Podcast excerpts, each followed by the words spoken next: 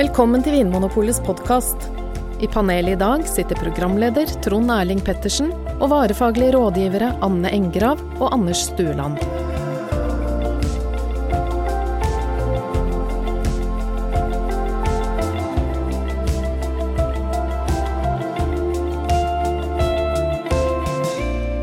Hallo, hallo, og velkommen inn i fremtiden til deg som hører på.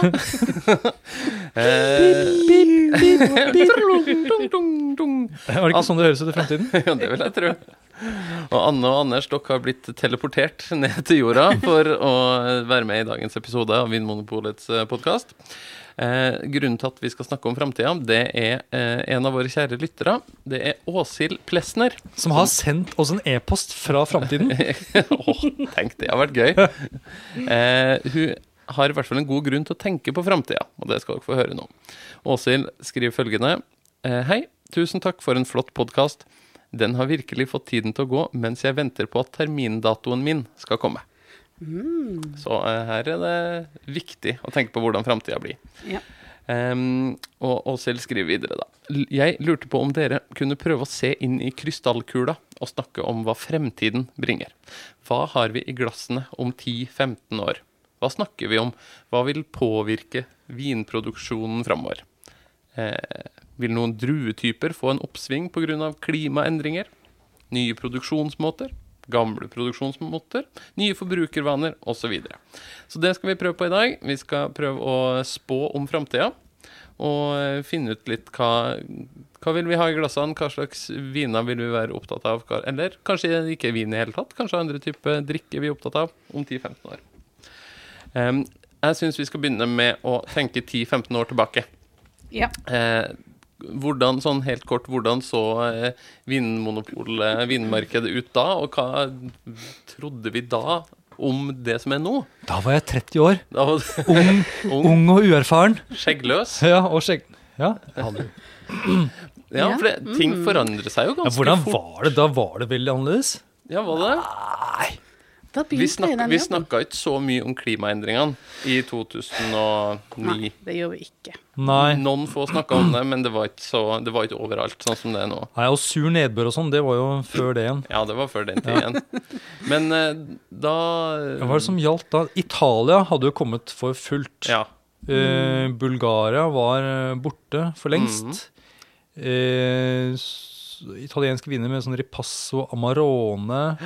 Rødvin var kanskje litt viktigere da, på en Mhm. måte. Nå, de, siste 10-15 årene har det jo skjedd en sånn dreining mot mer hvitvin, mer musserende, litt sånn lysere, lettere drikkemønster. Ja, Rosévinen har blitt tatt litt inn i varmen blant eh, som forstås seg på det. Mm. Det Og brennevinsalget stuper. Ja, og ølsalget har jo gått veldig Ja, opp. håndverksølboomen Mm. har jo på en måte kommet Ja. nå de eh, siste 10-15 årene. Ja, og sider de siste årene. Men, men den var kanskje enda mer eh, boomende, den håndverksølboomen, for ti år siden enn, den er nå. Den var måte. mer sånn i startgropa, kanskje. Ja, at det var liksom mer eh, ja, nytt og spennende. Nå er det kanskje flatet litt ut. Mhm. Mhm. Ellers så, ja, men vin smakte jo mer eller mindre slik den gjør nå, Mhm. for 15 år siden. Ja. Det har ikke skjedd noe Men jeg, nå kommer jeg på det er jo selvfølgelig altså, Naturvin var jo ikke noe vi snakket noe særlig om for 15 år siden. Nei. Det var liksom Det var Verden var mer sånn klassisk Ja. inndelt, på en måte. Det fantes, eh, og biodynamiske produksjonsmetoder var jo etablert hos mange produsenter. Mm. Men som begrep så var ikke naturvin noe som ble brukt. Nei. Eh, eh, pappvinen var jo veletablert. Det ble solgt Ja. ganske mye pappvin i Norge for 10-15 år siden. Ja. Men sånn som eh, plastflaske, eksempel, det var jo Det hadde ikke- det hadde ikke kommet. Komme. Nei. Så det er jo noe som har skjedd de siste 10-15 Mm. årene. Litt, sånn, litt annerledes eh, innpakning, på en måte. Det fantes noe på juskartong. Ja. Men de, Det var eh, én av 300 eller noe sånt. Ja, ja, men de, de Mm. fant, Men det fantes. Ja, Mm. ja. ja. Um, Og så Rieslingen var jo liksom skikkelig For 15 år siden var jo det på liksom ganske nytt. det er sant. Da var det fremdeles helt andre type tyske hvitviner som Mhm. dominerte. De mer halv, noen søtlige laget på Müller Torgau-druen. Mhm. Ja, altså har den, den mye. tørre tyske Rieslingen som nordmenn har trykka til sitt bryst, Mm. det har òg skjedd på dem her Ja. Ja. 10-15 siste årene. Prosecco. Ja, ja det har ingen Eh, det om, begynte å komme så vidt da, og vidt, det tok jo helt av. Ja. Ja. ja, for det var jo cava som var mest brukt og sånn rimelig musserende. Cava og eventuelt sånn Cremant de Bourgogne. Ja. Mm. Altså, det skjer en del på 10-15 år i Ja, det. vidunderlige verden. Ja. Så det, jeg tenker, med Grunnen til at jeg ville litt grann tilbake, bare for å liksom legge litt føringer for Mm. hvordan vi skal tenke noe framover òg. For det er jo fristende å liksom se inn i framtida og se for seg sånn sølvuniformer og rare lyder fra romskip, og at vi Ja, skal eh, inntar all lista? Stryk det med vin i pilleform, tror jeg. For det. Eller Ja, jeg syns jo det er litt gøy, men jeg, kan, vi kan jo først snakke om eh, hva som er mest sannsynlig. 15 år, da. Ja. Eh, som ikke er så lenge. Nei? Det er ikke så lenge, men allikevel så har det vært ganske sånne store, nesten sånn strukturelle endringer i hvordan vi drikker, da. Mm. Det med at alkoholnivået Vi er ute etter stadig lavere alkoholnivå. Mm. Jeg tror det vil fortsette. at eh, vinene blir Vi er ikke så opptatt av alkoholprosent og styrke Nei, vi ønsker faktisk motsatt. Vi ønsker lavere alkohol. Hvor mye vil du anslå for hvert år? Halv, halv prosent? Det, det er Hvor lavt, hvor lavt skal Hello, vi, can you go? Jo, men det er interessant. Altså, Ja. Tror vi at om 10-15 år at det vil finnes gode viner som har liksom 4-5% alkohol? Nei, Eller er nei, det det- tror jeg ikke. Hvorfor ikke det? Er det noe fysisk som ja, gjør Ja, med modning i drua, at, eh, at det da vil være så mye sødme igjen Mm. i vinen at det, at det vil heller ikke passe inn i en sånn type Nei, for Rent teknisk og fysisk så må man da på en måte gå inn og fysisk fjerne alkoholen. da.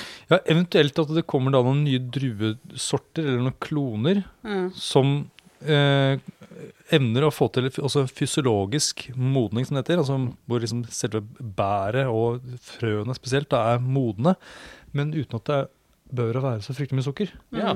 Mm. Det er, jo- det er en mulighet. Hvis man klarer å få til det, så vil du få eh, god aromautvikling, men kanskje lavere alkohol. Men Ja, sånn som det er nå, så vil det jo jeg tenker altså ti lavere, spesielt lavere enn 10% på de druesortene som finnes nå. Nei, men Det er også veldig lavt, da. Ja. Og så tenker men- jeg at da vil kanskje eh, andre produkttyper vokse mer. Som f.eks. sider, Ja, Ja. som har lavere som har fruktighet, lavere alkohol. Mm.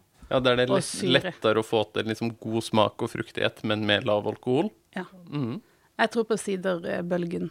Ja. Kanskje vin ikke er kommet for å bli? Jo, jo, jo, jo. jo.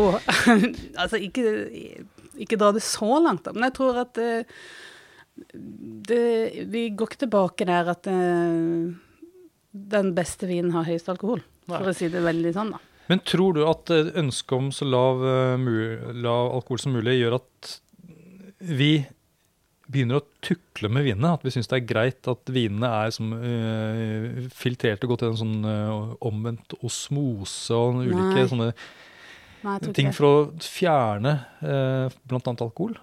Nei, for jeg tror også det med at du ønsker lavere alkohol, det er både en sånn smaksretning, og så tror jeg det er litt sånn, litt sånn sunnhetstrenden, som vil Ja. da og også slå inn på det at vi vil ha det så naturlig som mulig. Mm, ja, for det er jo kanskje begrunnelser for at vi i økende grad ønsker litt sånn lavalkoholviner. At det handler om helse og, og bevissthet på hva man mm. tar i seg i, i hverdagen, holdt jeg på å si. Ja, og at man kanskje drikker alkohol oftere nå, og at det derfor kanskje også er viktig å altså, ikke drikke så sterkt. Mm. Nei, men Det er et godt poeng at vi, det er jo en sånn trend i, i samfunnet at vi ønsker å kjøpe ting som er ekte og naturlige og ikke tukla med. Ja. Så det er Ja. kanskje vanskelig å få solgt en vin der man på måte har gått inn og fjerna alkoholen kjemisk eller fysisk for å få den. Og så blir det ned. jo ikke noe godt heller. Nei. Og så henger det litt sammen med matvann også. Ja. Eh, En annen type kjøkken nå enn det var eh, før, og det vil eh, kanskje utvikle seg videre mot enda mer sånn råvarefokus, eh, mer grønnsaker og, og sånt noe. Som kanskje gjør at det er enda bedre med lavere alkohol. Ja, Lettere å matche med Ja. hvitvin eller musserende heller enn de tunge, sterke Ja. rødvinene. Men eh, det vil jo ikke være Altså, ting svinger jo. Ja, det gjør det. Ja. Men 15 år er jo ikke så lenge, så vi, vi, vi tror at det vil fortsette denne trenden med lyst og lett, som vi kaller det. Ja, for det er jo også Unnskyld, Trond Erling, men eh, det er jo også noe med denne her eh, som vi ser på våre salgstall. Du selger eh, fremdeles litt mer av det mørke og sterke, altså rødviner og, og ting med høyere alkohol. Og så mer, eh, litt mindre av det lyse og lette, som hvitviner og øl og sånne ting. Men at de pilene den mørke og sterke, den går nedover, og den lyse og lette går oppover.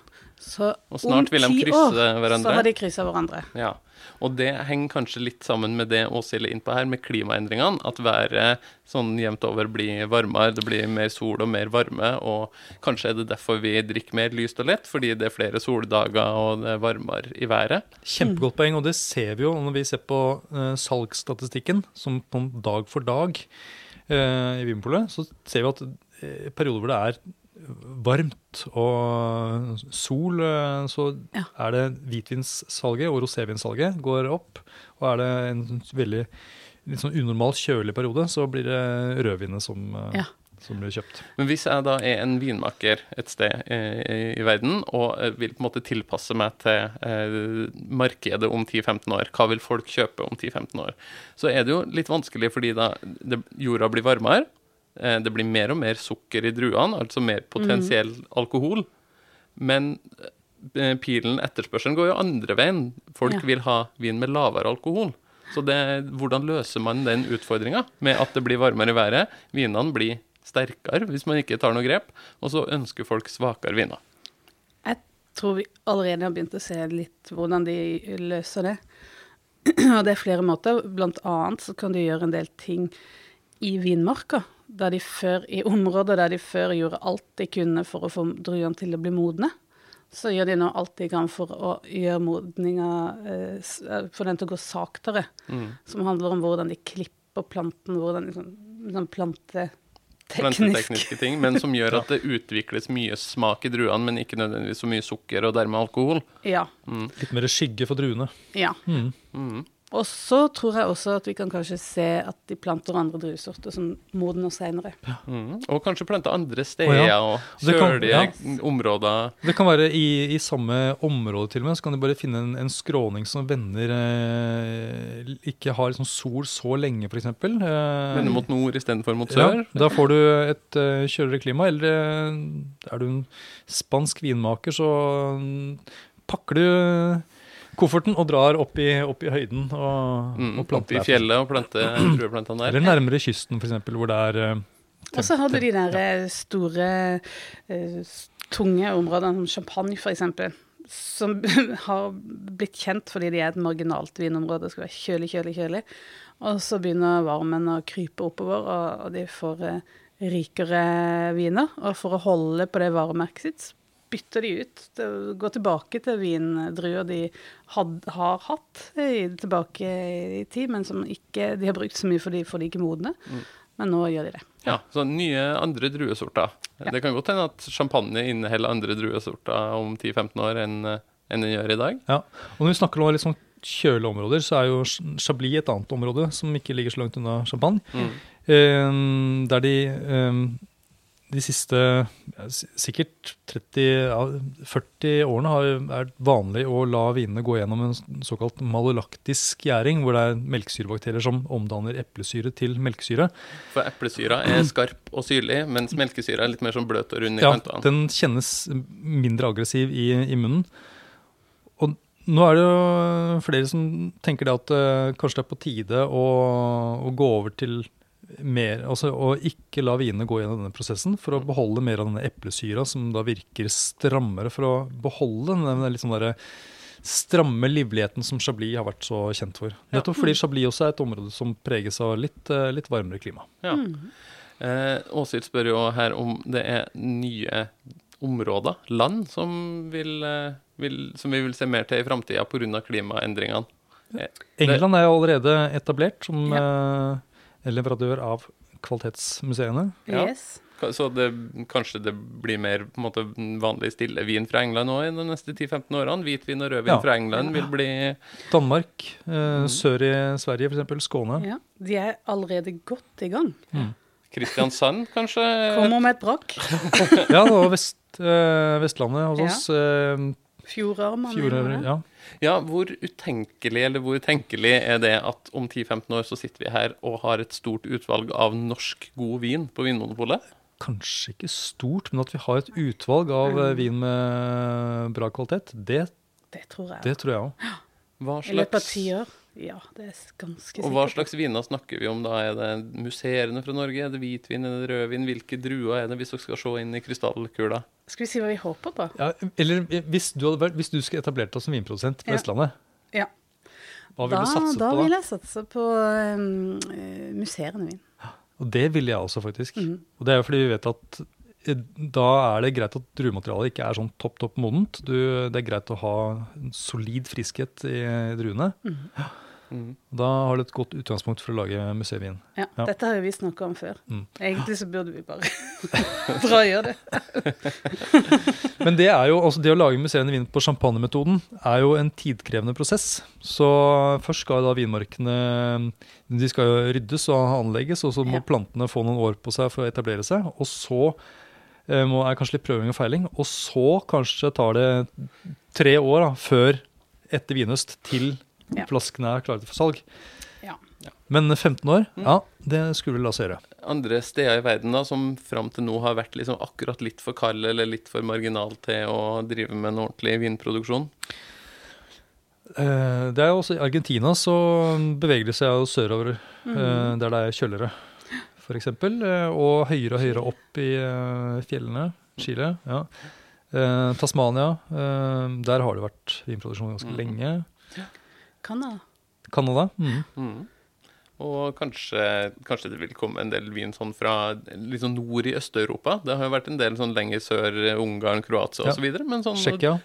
Ja. Polen, sånne type steder. Lenger nord i Tyskland enn det lages vin i dag. Men, Men, dere, ja. men dere, jokeren om 15 år, Mm. det er Kina. Ja. Det, det er jeg veldig, veldig spent på. Åh, det er som en sånn hvit flekk på vinkart, mm. egentlig. et kjempesvært land. Eh, tenk på alle de ulike eh, sånn jordsmonnene og klimaene som finnes der. Eh, og Og de, høye fjell, så man, Høye- om ja, det ja. blir for varmt, så kan man bevege seg opp i høyden. ja, ja. Sånn, jeg tenker, de er jo bare i startgropa, rett og slett. Mm. Ja, og det er jo allerede, det ender, i, det er jo allerede i gang at en del store vinhus fra Europa har Mm. etablert seg i Kina og driver med prøveprosjekter både på museene og uh, andre vinstiler. Mm. Og de har spenn. ja. Ja, og, og eh, allerede en middelklasse som er interessert i eh, å kjøpe vin for ganske mye penger. Mm. Så ja, nei, det, skal bli, det skal bli spennende. Og, Og ikke minst om de da etteraper da tradisjonelle europeiske vinstiler, eller om de etter hvert etablerer en helt egen sånn Ja. Kina-stil. ja. Sursøt. Ja. ja. En sursøt Riesling Ja. fra eh, Kina. Hvorfor ikke? Og jeg gleder meg. Ja. Riesling! Men jeg gleder jeg, meg allerede Anne, til en sånn 15 års tid når du skal invitere på middag basert på en eller annen sånn grønnsak vi aldri har hørt om, Ja. Eh, og med kinesisk sursøt vin. Men eh, også er det jo Øst-Europa har jo du allerede nevnt, eh, Trond Erling. Men jeg tenker også Hellas, Georgia, altså disse herre eh, vin, eh, vinverdens vugge. ja. eh, på mange måter. Det også tror jeg vil få mer oppmerksomhet. Mer lokale druetyper fra disse områdene, lokale produksjonsmetoder, vil bli eh, mer satt pris på. Og mer eksportert også. Vi snakka jo så vidt om emballasje, at eh, plastflasker har kommet de siste 10-15 årene. Ja. Hvis vi kikker i krystallkula litt framover, I plastkulen. i plastkula, ja. Ja. Eh, hva vil vi drikke vin av og servere vin av i framtida? Hva Ja. vil eh, forandre seg der? Og ja, når du sier servere vin, for det har jeg faktisk på på blokka. Hvordan ser glasset ut? for det har vi også. Vi har jo Vil den bli større og større og større? og større? ja, for vi har jo hatt veldig veldig store glass. Jeg husker på Ikea før, for 10-15 år siden. De var jo så svære. De Ja, kunne sånn- fylle hele Kunne ha en liten familie med gullfisk oppi glassene. glassene. Men de har gått nedover igjen nå. Ja, og så har de blitt så fryktelig tynne. blitt Altså, så ikke, ikke, ikke smale, men at godset i glasset er jo så, De er jo så Det er så tynt. Det er så tynt. Så eh, om 15 år så er det sånn at du vet faktisk ikke at du holder i glasset. Det er så tynt. Du kan bare helle vinen ut i lufta. Ja, ja, og så bare ligger vinen på en måte og skvalper som en sånn på en måte Ja. Og så kan du bare føre den opp til munnen. Jo, men, men der, det er også svingninger der. Husker dere Nokia? De hadde så små mobiltelefoner. Ja. Det var sånn fyrstikkesker. Det er jo på vei tilbake igjen. til Ja. noe sånt. Og det er, ja, nettopp Med naturvinbevegelsen så har jo også det der med sånn, det skal drikkes av keramikkopper. Altså eh, Hvor det, på en måte taktiliteten til drikkebegeret også er veldig viktig. Ja. Og det kan godt være at vi da At vi eh, At noen eh, noen deler av eh, vinmiljøet vil, vil ha helt andre typer glass. Noma, Noma går først der, tror jeg. Ja, Med litt sånn lave skåler og keramikk, Ja. så du kommer nærme vinen. Og du Nettopp. putter hele nesegreven nedi.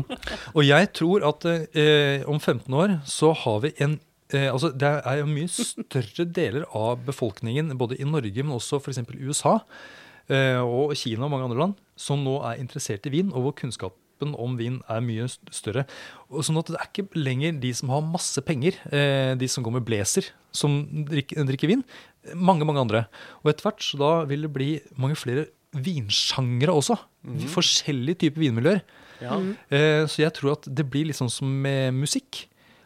At eh, du kan snakke om musikk, som altså bare all, all musikken, men så er det Du har rock, og du har punk, og du har jazz, og du og liksom frijazz. Det er utrolig mye, og man da aksepterer helt forskjellige og forventer helt forskjellige ting da, i disse sjangerne. Egne festivaler. Ja.